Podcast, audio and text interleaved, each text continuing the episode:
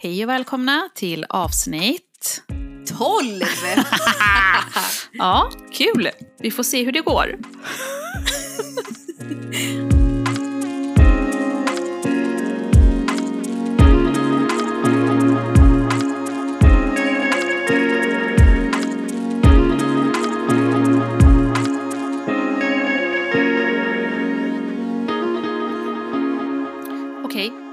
Innan vi börjar spela in vårt avsnitt så måste vi ju återkoppla från förra avsnittet. För vi har ju fått jättemycket...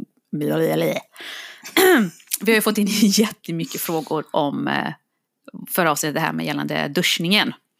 Alltså det har varit en het potatis kan man säga. Ja, och eh, såklart har de flesta skrivit att de duschar varje dag. Mm. Eh, jättemånga har skrivit att de får panik om de inte duschar varje dag och att de liksom... Eh, ja, men att det, det är den rutinen de har. Några har skrivit varannan dag, beroende på hur aktiv man har varit. Och jag känner att jag måste försvara mig lite här nu, för jag låter ju som värsta äckelpäckelmonstret. För det första så duschar inte jag var tredje dag om jag har varit aktiv. Eh, det är inte liksom ett snitt. Förklara aktiv nu. Ja, men liksom har jag, känner jag liksom att jag har svettats eller fått upp eh, eh, vad heter det, tempen, du vet om jag har gått en promenad raskt eller typ så här blivit lite klibbig, det är klart som fan att jag duschar. Jag duschar mycket oftare under sommaren till exempel när man jämt, eh, när det är fuktigt och du vet sådär. Men jag är inte en person som duschar varje dag. Men som varannan dag till var tredje dag. Men i alla fall, i min panik av att känna mig äcklig så googlar jag ju. Och hör och häpna nu alla ni där ute som äcklas av att duscha varje dag. Forskning och experter och hudläkare och massa grejer som har med hud och hygien att göra säger att det bästa för hygienen är att duscha var tredje till varannan dag. För hygienen eller för huden? Både och. Aha. Dels för att hudens skyddsbarriär inte ska förstöras. För att huden själv har någon eh, naturlig, vad heter det, skydd Mm. mot, mot, mot skador och sådana här saker. Och då är ju chansen jättestor att man duschar bort de här goda bakterierna. Det är som bebisar, du vet när bebisar föds. Man ska inte duscha dem på över en vecka. Först när de är nyfödda. För att de har den här... Ja. För att de har ju det här naturliga skyddet på sig redan. Så att de rekommenderar att man ska vänta med att bada dem. Man ska inte göra det det första man gör. Eh, men hur som helst så tyder forskningen på det. Samma med håret. Att det inte är bra för hårbotten att duscha varje dag eller tvätta av det varje dag. Eh, och huden, jätteviktig. Att liksom hudbarriären behåller liksom sin skydd, sitt skydd. När eh, den får ha liksom sin naturliga flora. Eh, så att jag är fräsch, så ni Här vet det där ute. Hudläkaren så här. Ja, och eh, så att ni, bara så ni inte går runt och tror jag är äcklig. Jag är fräsch, okej?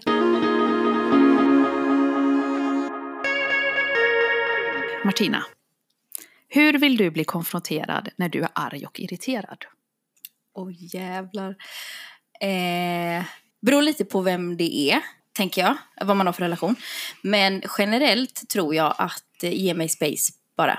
Så att jag får en liten eh, stund att andas och tänka efter också. Så jag behöver bli lämnad i fred. Jag tycker inte om egentligen... Ja, jag vill bli lämnad i fred. Men om, om du är arg och irriterad över någonting som har hänt och jag tänker att den andra personen märker det på dig, ska den säga det? Typ, ja, nu märker jag att du är arg och irriterad, nu låter jag dig vara. Eller föredrar att personen låtsas som ingenting och bara låter dig vara? Alltså det beror på, för är man i en argumentation typ, alltså att man, både, vi hamnar i ett tjafs liksom, då vore det ju fel att bara gå. Mm. Då blir man ju tokig. Ja. Ska du gå nu när vi håller på? Ja, alltså när jag precis. försöker säga det här jag tycker till dig typ. Så det hade inte varit bra. Men om det är generellt, ja, lämna mig lite i fred Mm. bara. För jag är ju ofta sån att oavsett vad det gäller egentligen, om jag bara får komma bort lite, vara för mig själv och fundera lite så är jag ju ofta den som ber om ursäkt sen eller kommer och liksom ja, Mm. har tänkt igenom. Och även om jag tycker att det var den andra som gjorde fel så kan jag ändå släppa det då typ. Mm. Så lite space. Ja, men jag tänker så här då. Om du är arg och irriterad över en sak som inte har med en person att göra. Alltså låt säga att du är arg och irriterad, så träffas jag och du. Och så är Ja. du bara skitarg och irriterad, typ så här. Ja, då behöver jag ventilera med dig. Ja, fast nu tänkte jag så här, nu var ju frågan konfronterad. Just det. Då måste det ju vara att man är i Ja. ilska Ja. med den som är framför en. Ja, exakt. Ja. Ja, för annars vill man ju såklart ventilera. ja det vill man ju. Ja, då vill man ju inte bli Direkt. konfronterad. Nej, nej, nej. nej, exakt. nej, och sådana är ju verkligen vi. Mm. Ventilerare. Yes, Måste pysa ut i direkt. allra högsta grad ja. Men om du blir konfronterad då av den personen som har gjort dig arg. Ja, Hur vill, du, hur vill du bli bemött? Oh my god, jättebra fråga. Det beror helt och hållet på vem det är. Men för mig är det så här, det beror på vem som har konfronterat mig. Eh, konfronterat mig, vem som har gjort mig irriterad. Men jag är en person, när jag blir arg och irriterad så drar jag mig undan. Jag gillar, jag gillar att inte konfrontera en person som jag är arg på. Jag gillar inte att lyfta grejerna. Typ, har en person gjort mig irriterad, då stänger jag av och måste låsa in mig själv lite och ventilera och hata den här människan för mig själv ett bra tag. För att sen liksom kunna släppa det. Eh, men det allra bästa är, som eh, många av mina nära vänner gör, helt onödan många gånger för det är inte ens att jag är arg på dem. Men då frågar de typ så har det hänt någonting? Har jag gjort någonting som har gjort dig upprörd som du behöver berätta för mig som jag kan göra någonting kring? Och då hade det varit någonting, känner jag att ja, men det, är en, det är en fin input, ingång till att kunna starta upp en diskussion om man är redo. Eh, Men många gånger säger nej men din stackare du har inte gjort något. jag är bara off just nu. Typ. Men det, det tror jag är en väldigt bra, att, att man stämmer av. Typ så här, men vill du prata om det nu, känner du dig redo eller inte så finns det här om du typ behöver. Mm, det är Eh, bra. Så hade jag kunnat känna att det är bra typ. Det är ödmjuk ingång liksom. Mm. Generellt sett kan jag ju tänka att det är väl bra för alla egentligen att ha ett moment emellan. Mm. Alltså att inte säga, för jag vet ju själv att ska jag ta det direkt om det är någonting som har Mm. gjort mig riktigt Då är man ju eh, förbannad. affekt. Ja, och då, om jag då är tvungen att pusha ur mig det till Mm. den personen så kommer ju alltså, då kommer jag ju lägga upp det på ett bättre sätt Mm. om jag bara har fått tänka Men igenom har du, först. har du alltid varit sån? Jag har nog alltid valt mina ord Mm. ganska omsorgsfullt. Ibland blir det inte så. Men alltså jag har väl alltid varit så att jag vill tänka efter typ. Mm. Hur jag lägger upp det här, vad är det jag vill säga? Typ. Jag var ju sån förut att jag kunde inte släppa en grej. Var jag i, i typ tjafs med någon så var jag tvungen att liksom gå 100% all in och prata om det tills det var löst. Direkt. Ja, jag fick ju panik om den andra personen bara nej stopp, nu räcker det, paus, typ så här. Nu pratar vi inte mer om det här, vi måste ta en paus typ för att det blir för liksom hetsigt. Då fick jag ju pengar, bara nej, nej, vi måste prata om det nu, vi måste lösa det nu. du vet. Alltså jag fick ju panik. Men jag har ju lärt mig nu typ så här, ja men gå, gå, gå, låt mig vara i en timme så vet jag att det lugnar ner sig. Nu har jag lärt känna mig själv att jag är faktiskt i affekt då, utan att ha vetat det innan. Mm. För då fick jag ju panik om någon bara försvinner mitt i. Då blir jag så här, oh my god. Så är man ju kvar i en känsla själv av ilska och du vet, massa grejer. Men nu har jag ju lärt mig liksom att ja, den känslan kommer försvinna väldigt, väldigt snart. Det är lika bra man inte är nära varandra då typ. Ja, faktiskt. Bättre att tänka efter Ja. först, ta det sen. Ja, och det är något jag har lärt mig på senare år.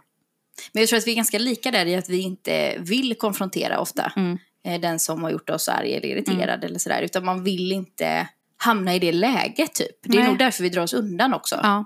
Är jag kan hellre känna, prata inte med mig, känner jag då. I det Är läget. vi konflikträdda? Eh, ja, det är vi nog. Lite grann. Eller? Ja, jag försöker tänka varför jag... Jag är mer typ så här... Det här är kanske en sjuk grej jag har haft, men jag har många gånger känt att jag har inte rätt till mina känslor. Så därför konfronterar jag inte någon för att jag har inte rätt att känna så, typ. Och så går man och är arg och ledsen och besviken i tystnad, typ. För man känner att men, det är ju löjligt om jag ska konfrontera och säga att men, du har gjort mig ledsen för det här och det här, typ. Ja. Det är faktiskt sant. Det är ofta man känner så här, jag vet inte om jag kan med att ta upp det här. Mm. Typ. För det är så löjligt. Ja, och jag vet inte vad jag i så fall vill få ut av att ta upp det här. Precis. För det känns som att så meningslöst är det. Fast ändå har det ju upprört en massa känslor i en själv. Exakt. Men jag skulle aldrig säga till någon, jag blev ledsen när du sa så. Nej. Om, om inte det var en grej en person gjorde som var fel, men typ är det ett uttryck eller någonting som har ja, men gjort mig ledsen, så kan jag inte med att säga det. Ja, men jag, jag blev illa berörd av att du sa det där, eller jag tolkade fel. typ. Det är också svårt att visa sig så svag Mm. och sårbar i Mm. att säga jag blev så ledsen av någonting Mm. du gjorde. Men gud, Det är tufft. sjukt. Men det är en fruktansvärd känsla egentligen att man känner att man inte har rätt till. Ja, jag sitter och liksom tänker om det så, för sen kan jag vara väldigt principfast kring vissa grejer. Typ såhär, men där gjorde du fel och det där är inte rätt, det där är jättefel. Så kan jag vara jättehård i sånt. Men då tänker jag, då är det mer konkreta grejer. Ja. Men när det kommer till mina egna känslor så här, då kan jag inte stå för att ja, men du gjorde mig ledsen för att du sa så. Jaha, vad fan, typ. Nej, just det. Det är den egna känslan. Det blir för nära typ. Ja, Men jag tror att det beror också så himla mycket på vad det är för relation. Alltså hur Ja. nära är man? För jag har ju alltid, och det är väl vanligt tänker jag, att man i sina nära relationer, de Mm. närmaste. är de svåraste. Ja, men också att det är där man liksom på något sätt kanske tar ut svängarna lite mer då. Inte är lika rädd att konfrontera kanske. Medan jag, alltså ju större avstånd det är, har jag ju, har jag ganska stort avstånd till Mm. någon så tycker jag det är väldigt svårt att konfrontera den. Det känns alldeles för långt bort för mig att jag ska gå till någon kanske på en arbetsplats eller Mm. sådär och komma fram och... Jag tror det är nästan tvärtom för mig. Ju längre bort jag är från en person, desto lättare skulle det vara för mig för att jag har mindre att förlora på det typ. Ja, det är ju sant. Tror jag. Ju närmare det, desto mer blir jag så här, åh nej, jag vill bara sopa det här under mattan typ, men jag måste få vara i fred eh, ett tag typ. Ja. Jag vet inte. Fast det Vilken, där är också ja. nyckeln till det. Att när det är så pass långt bort från en själv så Mm. att det egentligen inte känns för nära och för Mm. jobbigt. Det är ju då man ska ha den där stunden på sig. Mm. För då kommer man släppa det och skita i det och inte vilja ta upp det. Ja. Och det är det bästa tror jag. Ja. Ja, det här var en jättelurig fråga. Nu känner jag att Mm. här, vi behöver fan gå i terapi och prata Du, lite. det var ju för fan. Här upptäckte vi grejer. Massa grejer.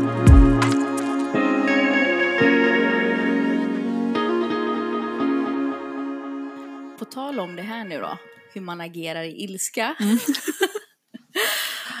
så tänker jag på kärleksspråk. Mm. Har du koll på vilket ditt kärleksspråk är? Eh, jag tror det, men, men det, finns väl olika kategorier va? Det finns fem stycken. Ja. Kan du säga dem först då? Jag tror jag vet vilket mitt är. Okej, jag ska dra dem. Det här är från Gary Chapmans bok. The Five Love Languages. Så Mm. det är ju han som säger att det finns det då. Det första är fysisk beröring. Det är inte jag. Det är inte du. Nej. Det står lite också sådär om hur man... Att just med en person med det här kärleksspråket då, fysisk beröring, sätter ju väldigt högt värde på det. Mm. Att man har kroppslig kontakt i all form. Alltså inte bara sexuell Mm. kontakt, utan all kroppslig kontakt. Och hur man får en sån person att känna sig trygg Mm. är genom att hålla hand, få en Mm. kram, klapp på axeln, kliv på ryggen Mm, och precis. sådär. Mm. Det är inte du, där känner du inte. Jo, jag tycker det är jättemysigt. Jag älskar den, den myskontakten, men det är inte där jag känner mig bekräftad. Jag tycker det är jättemysigt att ha det i vardagen, men jag känner mig inte bekräftad där. Samma här. Ja. Jag är inte fysisk. eh, Det är ju inte det att jag inte är fysisk med någon jag Mm. vill vara fysisk med. Men det är inte mitt primära kärleksspråk. Nej, nej, nej, alltså jag gillar det språket jättemycket, men just det här med att känna mig bekräftad emotionellt är inte via bara beröring. Nej. Helt, Så att... eh, helt enig ja. med dig. Okej. Nummer två, gåvor. Nej! Va? Ah, så jävla komiskt om man har det här som Finns- kärleksspråk. Jag kan finns inte låta det? bli att tänka det. Ja. Ja. ja. och då står det så här. Det handlar om att få presenter. Men Personer med detta kärleksspråk känner sig som mest älskade när de får en betydelsefull då och genomtänkt gåva. Men vem fan blir inte glad över att få en sån gåva då? Eller? Jätteglad blir man ju. Ja, det är klart. Fast jag kan känna ändå att så stort värde lägger jag inte i det. Nej, och där tänker jag återigen som förra. Det är inte där jag känner mig bekräftad. Om jag får gåvor. Det är klart jag blir jätteglad om, om jag får hem blommor någon dag eller någonting som jag gått och tänkt på som någon köper till mig. Alltså jag tycker det är jättegulligt och känner att det är jättefint. Men jag tror inte det är mitt primära kärleksspråk. Nej, inte mitt heller. Man är inte otacksam för det. Det är klart man, jag blir jätteglad. Ja, och just att det är genomtänkt och betydelsefullt. Det, det ger ju styrka till det. Men Mm. Ja. det är ändå ingenting jag känner är, ja men där är mitt. Nej, Nej, nej. men jag, jag uppskattar det jättemycket när det väl händer. Det gör jag verkligen. Jag med. Men jag lever ju inte på det. Det är inte så jag känner att jag är älskad av någon. Nej, exakt. Nej. Okej, nummer tre. Mm. Tid tillsammans. Alltså kvalitetstid. ja. Handlar om att ge dina nära och kära odelad uppmärksamhet. Mysiga middagar, aktiviteter på tu man hand. Allting då för att man ska känna sig speciell och Fast utvald. nej, nej. inte den heller. Jag, jag, I och med att jag tänker på den jag tror jag är, jag hoppas att den dyker upp nu.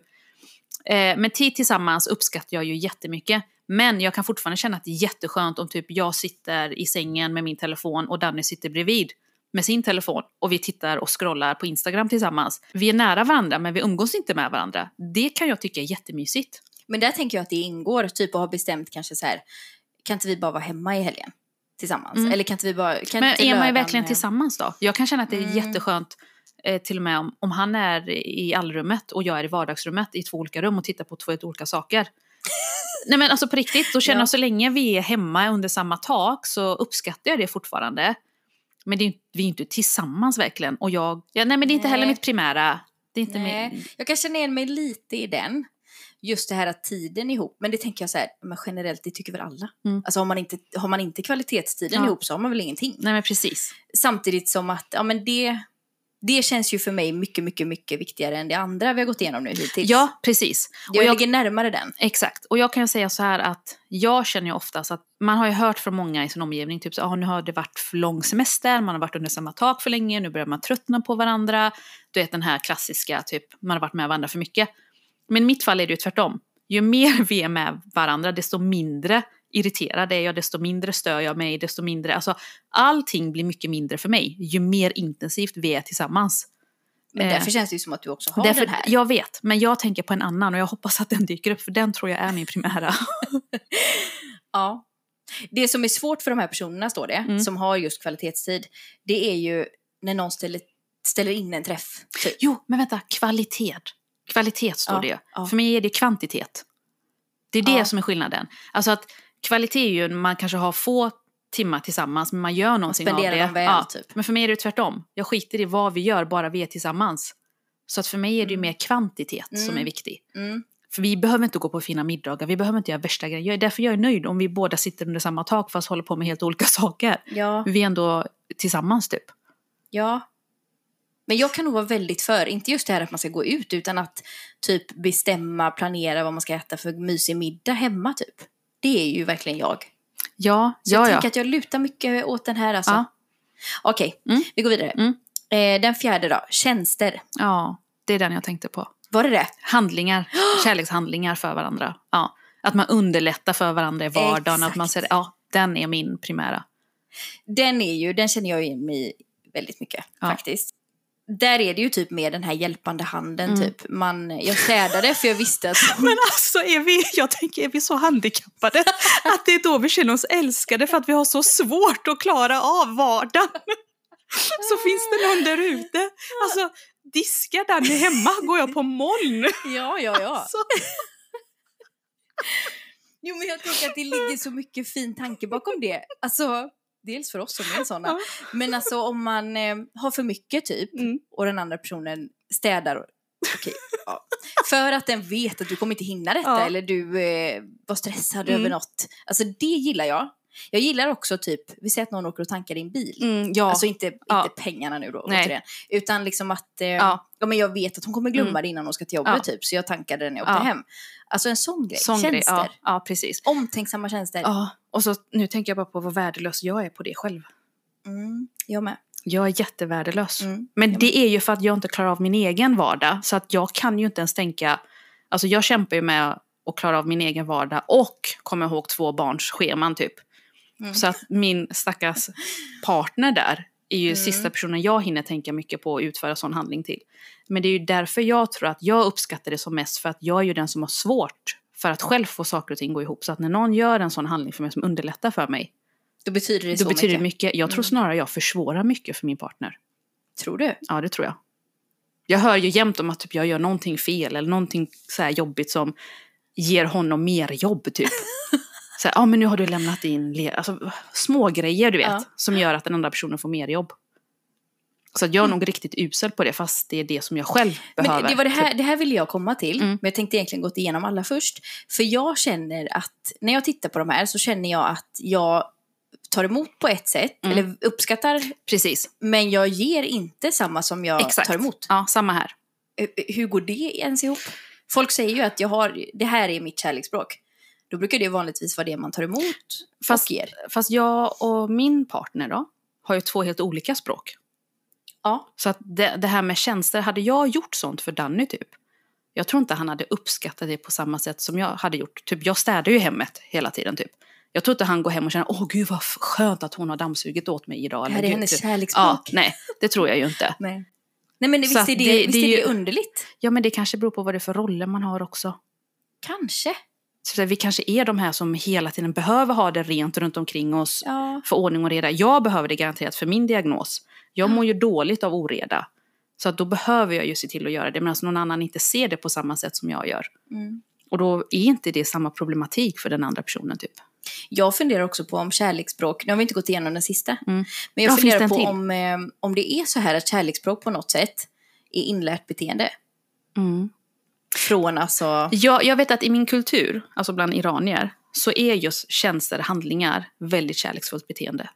Typ så här, en sån här klassisk grej är när barnen sitter och pluggar så kommer mamma eller pappa med fruktfat, typ så här, du ska kunna koncentrera dig och ät, ät din mellis nu så att din energinivå är bra. Så är det, det är mycket handlingar man gör för varandra. Mm. På en överdriven nivå också i den kulturen. Det är typ så här, nej nej jag ska bära åt dig, nej nej jag gör det, nej nej jag ska betala, jag ska göra det här. Typ ju mer martyr man kan vara, desto, mer, eh, alltså, desto bättre är man i den persiska kulturen. Mm. Så att där är verkligen bara, men jag ska avlasta dig så mycket det bara går. Nästan så att jag själv ska dö, för att det är så jag visar kärlek typ. Så för, för ja. min del kan det vara mycket kulturellt upp, alltså så. Absolut, tänker jag att det är det. Mm.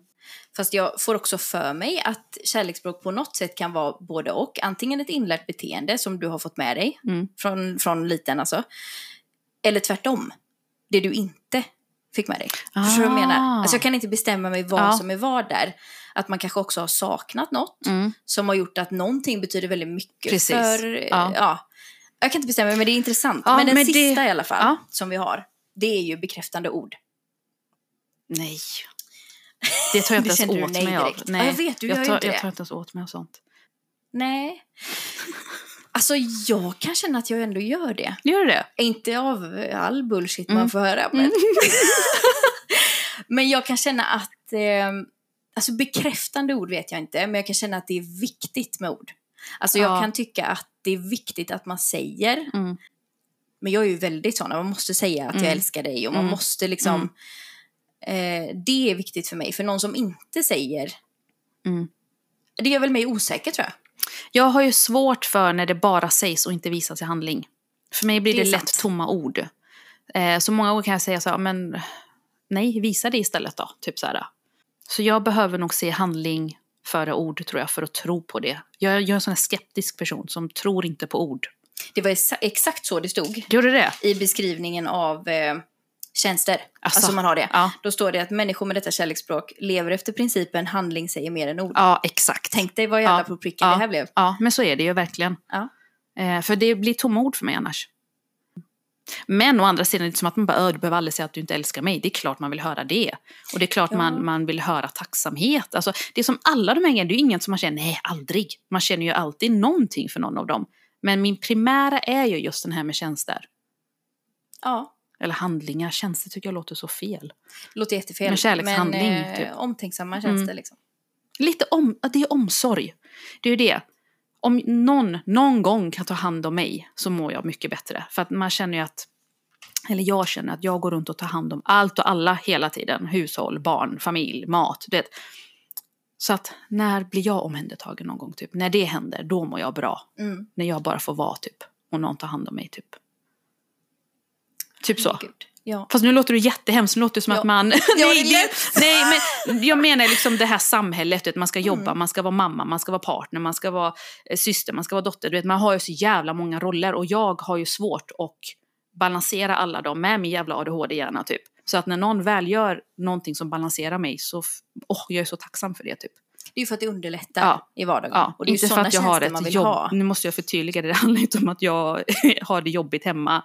Eh, alltså typ att det aldrig görs något på det sättet, utan det är mer min diagnos för helvete. Alltså, ja. ja, Och att det är en fin eh, omtanke, ja. bara. Helt Yes. enkelt. Ja.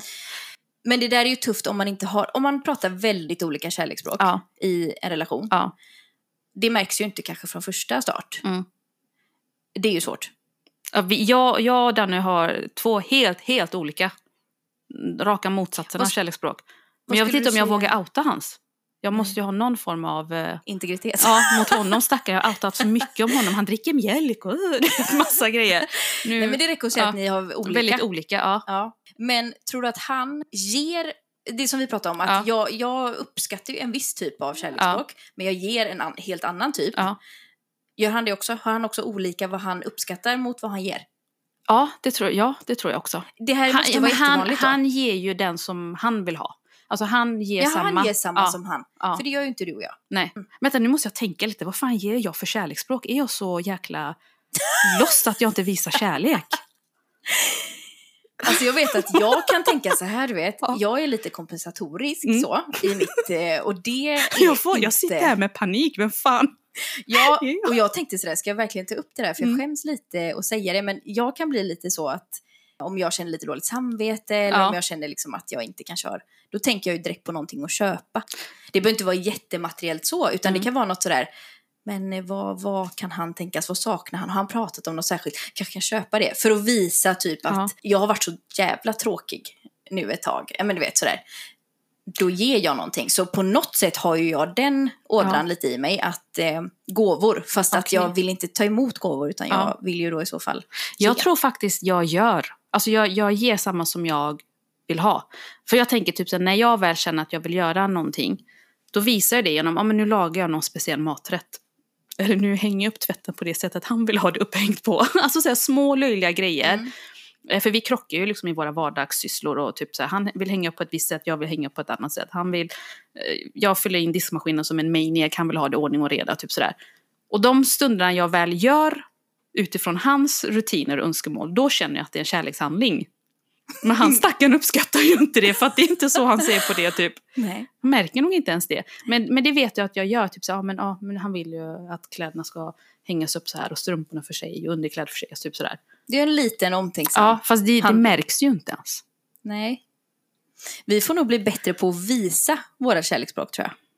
Ja. En eye-opener detta. Ja, men sen också vad händer... Ja, okej. ja. Jag tänker vi har varit ihop i 14 år nu så att jag känner att vi båda ändå är så pass trygga i vilka vi är. Ja, någonting har ni lyckats göra Ja. rätt i, i det. Men ja, intressant. Vet du vad jag har märkt med det här avsnittet? Att vi har ju inga riktiga svar. Vi famlar ju mycket fram och tillbaka. Ja, vi sitter och bollar med varandra. Ja, liksom. så det visar ju på att man aldrig riktigt vet. Men jag hoppas att det kan vara intressant att lyssna på ändå. För jag tror inte någon där ute sitter och är helt bombsäker på vem man är och vad man känner och hur man vill bli bemött hela tiden. Liksom. Nej. Eh, men jag blir själv lite förvånad över hur vimsig jag är idag. I hur jag tänker och liksom sådär. Mm. Ibland tänker jag, hade jag svarat för en vecka sedan så hade jag nog kanske svarat på ett helt annat sätt. Jag kan säga att jag inte hade tänkt svara så som jag svarade. Nej, så men, att, ja. Ja, Och jag känner så mycket kring livet. ja. Alltså det beror på vilken veckodag, vilken tid du frågar med vissa grejer så kan mina svar variera.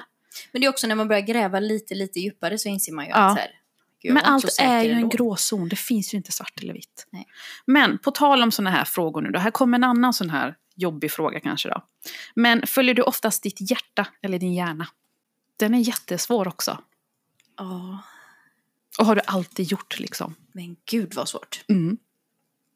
Vet du vad jag tror? Som utomstående, eller ut, utomstående är jag ju inte, men Är du väldigt jag känner att du är verkligen en person som följer ditt hjärta. Känner du så? Mm. Samtidigt som du är en av de smartaste människorna jag känner. Men Men gud, jag tänker på bara en sån här grej som så här, ja, men 100 miljoner kronor eller själsfrände. Och du är väldigt så här, mån om dina nära och kära och du är väldigt, du är väldigt känslostyrd och du, du är väldigt mån om hur andra har det och du baserar mycket av ditt liv på känslor till dina nära och kära.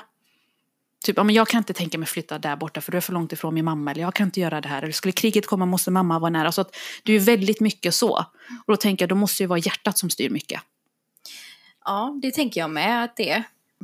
Fast i och för sig följer du oftast ditt hjärta då. Nej, det är väl det som jag tror blir en konflikt ganska Ja. ofta. Alltså en inre konflikt för att jag har ju alltid varit lite sådär att man är upplärd att man ska tänka på ett visst sätt. Mm. Alltså typ med gällande jobb och hur man ska, alltså med säkerhet, trygghet, Mm. du vet hur man ska eh, ta sig fram och att man tar den säkra vägen Mm. typ. Och då följer man inte alltid hjärtat Nej. utan då får man ju följa hjärnan och liksom titta på vad är rätt väg att gå Mm. typ. Så jag tror att det är där jag känner mig ganska vilsen Mm. väldigt, väldigt ofta. För jag vet egentligen kanske vad man borde göra. Eh, men jag känner inte så. Mm. Så det är jättesvårt att svara på. Mm. Jag kanske skulle gå med på hjärtat ändå, tror jag. Ja, det är någonting jag tränar på. För att jag är en klassisk person som jämt har följt min hjärna. Hela Ja. tiden. På bekostnad av mitt egna mående. För att mitt hjärta har alltid velat annat. Eh, och det är någonting jag försöker träna på nu. Liksom så här, ja, om, det, om det är yrken man inte trivs med. Skit i vad lönen är då. Följ hjärtat, då kanske du mår... Alltså, jag känner att det mycket hindrar mig från att må bra för att jag tänker för mycket med hjärnan. Exakt. Men å andra sidan känner jag också att jag kan ju inte inte tänka med hjärnan. Vad, vad blir det av mig då typ? Nej. Nej, och du är ju ganska rationell sådär. Mm. Alltså väldigt eh, klarsynt på något sätt. Mm. det är väl också lite det du menar med det här med att eh, orden, alltså Ja. att handlingar säger mer än ord. Att du är väldigt, du är rationell. Mm, du är väldigt jordnära på det sättet tror jag. Att du, och du ser väldigt klart. Eh, Ändå känner man sig som en följer- psykopat inombords. Nej, jag tycker att du är klarsynt och jag Ja. tror att det är därför du eh, har följt hjärnan hela tiden. För att det är det logiska att göra. Du är ju en Ja. logisk person. Och det är en jävligt logiker. jobbigt. Mm. Det är jättejobbigt att följa hjärnan. För att det blir på bekostnad av hur man mår. Många gånger gör man ju saker för att det är det enda rätta att göra, eller det är så det ska vara, och man ska följa en viss mönster och mall och allt vad det är. Så jag, jag tränar på att följa hjärtat mer faktiskt.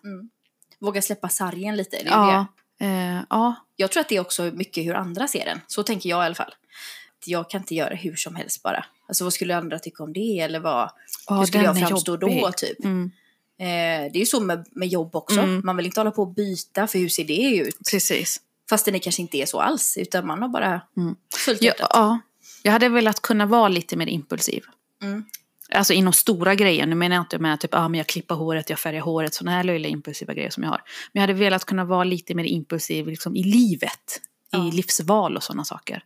Mm. Men sen är man ju så jäkla rädd för allt Mm. hela tiden. För det är tryggheten hela Ja. tiden som man sitter och håller i. Ja. Och frågan Eh, är vad som hade hänt om man hade vågat då. mm.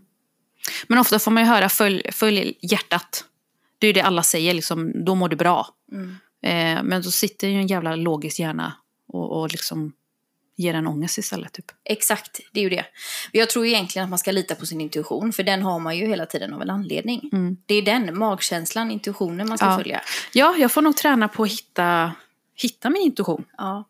En magkänsla har man ju kring mycket som ofta stämmer. Mm. Men just i livet, typ så här, vad är rätt att göra? Vad, vad händer då? Typ så här, släppa tryggheten och sådana saker. Men eftersom man har en massa inlärda sådana här gränser hela tiden för vad som är norm, inom normen och Mm. vad man ska göra och vad man borde göra och vad som är smartast att göra. Eh, så sätter ju det käppar i hjulen. Det är då man får ångest. När man Ja. försöker följa sitt hjärta. För man får ignorera alla varningsflagg som Exakt. kommer längs vägen. Ja. Liksom. Ja, ja, det är inte bara att säga upp sig och hoppas på att man hittar ett jobb helt plötsligt. Nej, gud. Som ska ge dig livslycka typ. Medan vissa gör ju sådana saker. Jag och så vet, hur sig. vågar man? Ja. Men vissa är ju personer också. Alltså Ja. det finns sån personlighetstyp som är så här, det löser sig alltid för dem. Shit. Det gör bara det. Ja. Jag behöver Jag känner ha... inte att jag är en av dem. Nej, och jag, jag behöver ha, vad heter det, nöd... sk- Fallskärm. Alltså jag behöver ha nödlösningar, plan B, plan C, plan D. Funkar inte mitt fallskärm då behöver jag ha en madrass som tar emot Ja, mig när jag exakt. faller. Alltså typ massa sånt. Ja. Annars vågar jag inte. Massa livlinor liksom. Ja. Och då, då är jag återigen tillbaka på det här. Min livlina hade varit om jag hade en massa jäkla pengar på kontot. Då Mm. hade jag vågat vad som helst. Det är frihet. Ja. Så återigen de här jävla pengarna. Kommer alltid tillbaka till det. Ja. Ja, ja, men eh, då är vi ganska lika där då. Att vi båda följer ju mest, kän- äh, inte känslan, men tankarna. Mm, Men man vill följa hjärtat mer. mm. Nu jobbar vi på det. Mm. Okej, nu lider vi mot eh, vårt sista segment. Pest eller kolera. Det gör vi. Skulle du välja att alltid ha ostbågekladd på fingrarna? Usch! Ja. Mm. Alltid. Eller ha tinnitus med Fyrelis-melodin resten av ditt liv? Just Fyrelis. Ja, men då kan jag säga så här. Min hjärna som jag har, jag går jämt runt och har typ fem melodier samtidigt i huvudet hela tiden. Så att det, det där är hellre Fyrelis då, för det är typ det jag redan har. Nej, men på riktigt, min hjärna funkar så. Alltså jag kan gå... Tänk, pratar jag med dig nu så kan jag ha en låt i huvudet samtidigt. Alltså, Multitasking. du, det är en grej jag har undrat. Hur andra människors hjärnor funkar. Går folk runt och har flera tankar parallellt? Eller är det bara min hjärna som är sån? Kan man Ehm. tänka 500 tankar, inte 500 men säg fem tankar samtidigt? Nej. Jag vill Eh, veta. Jag kan ju tänka flera olika tankar samtidigt om jag är jävligt stressad. Så att jag är mitt i någonting och ska skynda mig som fan med det. Men om du vaknar jätte- på morgonen typ, vaknar du med en tanke bara? Eller kan du vakna med så här fem olika Alltså tankar? den ena pushar ju undan den andra oftast. Om du... alltså du fattar vad jag menar. Jag vaknar med någon tanke Mm. och sen så dyker det upp. Det är därför jag har ju numera, men det, har ju, det är ju följden av någonting. Mm. Jag har ju fått liksom börja skriva upp allting. Mm. Om jag tänkte på någonting och kom på det så Mm. måste jag skriva upp det direkt. För sen så när jag kommer på något annat sen så är det borta. Liksom. Min hjärna är som en telefon. när apparna är i bakgrundsläge hela tiden. Så du vet när man trycker fram den här knappen där man kan se vilka appar som är igång och så swipar man bort dem en efter en, typ, eller rensar. Så är ju min hjärna. Och då kan det vara liksom en låt, en tanke där, en tanke där. Och så har jag haft det hela livet. Och jag har liksom aldrig riktigt förstått, har, har alla det här? Men det är sjukt för du är inte disträ. Inombords är ju det som Ja, men fan. inte, inte utåt. Du är alltid närvarande Ja. när man pratar med dig eller Ja. så. Men jag tänker 500 tankar samtidigt. Men kan du mentalt göra sådär då? Och swipa bort dem? Ja, swipa nej, uppåt? nej, nej, nej, det är det jag inte kan. Nej. Så det är därför För det den här fyrelisen kan vara i mitt huvud samtidigt som jag sitter och liksom räknar matte typ. Det är ändå bra. Det är lite Rain Man. Ja, Fast det är jävligt jobbigt. Mm, Men det är lite Rain Ja, okej. Men, ja, men då vill jag ju veta det här. Då blir det här en fråga till Mm. dagens avsnitt. Mm. Har ni flera tankar parallellt i huvudet? Så som jag har. Mm. Eller är det bara vi med ADHD som har det så typ? Kan vara. Mm. Kan vara. Vi, Okej. ställer vi kollar av. Ja. Men eh, ja, jag hade ju inte valt ostbåge i fingrarna i alla fall. Vad hade du valt? Förstår du vad jobbigt det hade varit att gå runt hela tiden och känna det här? Den är, det är en jättejobbig känsla, det är det värsta som finns. Ja, man vill inte ta i någonting. Nej. För du känner ju hela tiden hur du Ja. kletar av. För det gör man ju då, tänker jag. Ja. Man kletar av sig överallt. Åh. Är du en sån som hellre föredrar att äta ostbågar med typ eh, bestick för att slippa det här kladdet? Alltså jag har aldrig gjort det, men det är ju lifehack alltså. Mm, eller hur? Gör du det? Nej, jag hade velat Ja, göra det. Det är ja. nästan på den nivån där jag känner att jag hade velat göra det. Ja, sked. Mm. Typ. Ja. Här kommer en liten klurig pest eller kolera då. Okej. För mig är den svår, känner jag. Mm. Skulle du välja att spendera dina dagar varje dag resten av ditt liv? Nej, nu tog jag i. Tio år då. Tio år. Tio år, ja. Dagligen Okej. är du på ett flygplan Oh my god! i luften. Aldrig! Och där är du typ tio timmar om dagen. Sen får du åka hem och sova och sådär. Men du Och så ska jag där. flyga nästa dag igen i tio timmar. Ja, tio timmar hela tiden. Aldrig, aldrig, aldrig, tio aldrig. år. Aldrig. Eller vad? Eller, Med min flygrädsla, jag, jag får ju panik nu. Ja. Eller? det är ju dödsskräck dygnet Ja. runt liksom.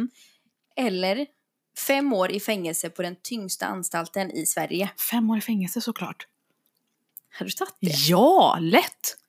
Om vi tar nya flygplanet då till fem år. Nej, fä- fängelset. Fängelse i fem år. Ja. Vet du vad jag kommer att tänka på? Kommer du ihåg förra avsnittet när du sa om man googlar ner eller sitter inne? ja. Jag hittade ett roligt svar till det. Det, det kommer jag inte vilja göra, men jag tänker så här, tänk vad skönt att sitta inne i ett år. inte behöva jobba, få mat serverad, alltså Träna. ja, liksom, ja, bara få vara i fred. Ha ett egen, en egen jävla cell i lugn och ro.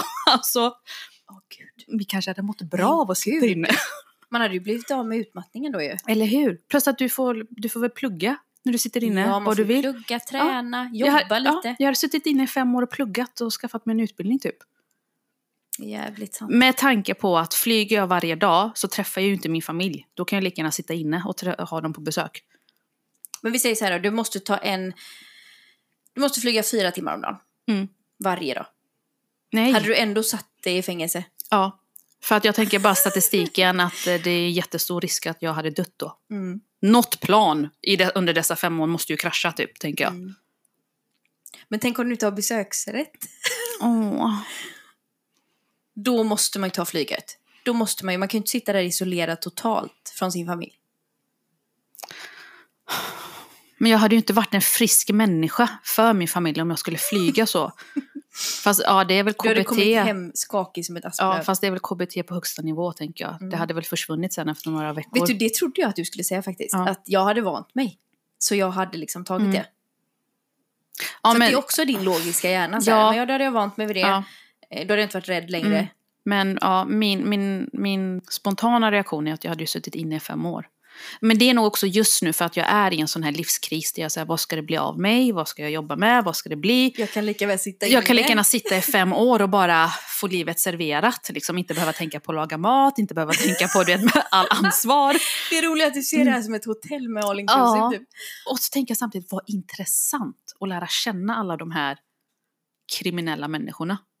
Mm, och läskigt också lite. Mm. Alltså så. Fast i och för sig, det är bara kvinnor man sitter inne med. Ja, det blir det ju. Bara, som att de är mindre läskiga. Nej. Det. Ja. Nej men okej, min tuffa sida skulle jag vilja sitta inne för att det låter så intressant. men sen så vill jag ju inte vara ifrån min familj. Eh, men hade det varit med besök, Då är valet enkelt. då är valet ganska enkelt. Då hade jag suttit inne och så hade jag passat på att utbilda mig. Och sett det som att ja, men nu är jag på liksom studieort. Nej, alltså jag vill inte flyga Nu är jag på studieort. på campus. Jag hade, jag hade passat på att skriva en bok eller någonting. jag dör. Ja, jag- Ha- Hade du valt att flyga? Nej, men alltså, jag nu är när så du säger- rädd nu för när att du lägger upp flyga. det så här ja. så, så är jag ju helt såld på fängelset Ja, plötsligt. Och känner hur? att men gud, Mm. lyxigt. ja, eller hur? Ja. Just svensk fängelse också. ja, med besöksrätt. då. Ja. Mm. Annars inte. ja. Mm. Alltså jag, min, min, mitt hjärta, du vet, flyga min, alltså min största rädsla. Jag tror jag behöver KBT för att bara åka till en flygplats. Mm. Den är liksom bland det värsta som finns. Jag får ju panik. Mm. Så att, eh, fan, nej jag vill inte flyga. Vi vill inte sitta inne heller, Nej. men bara lite. Men vadå, så du ändrar ditt svar till att sitta inne nu? Mm. Mm.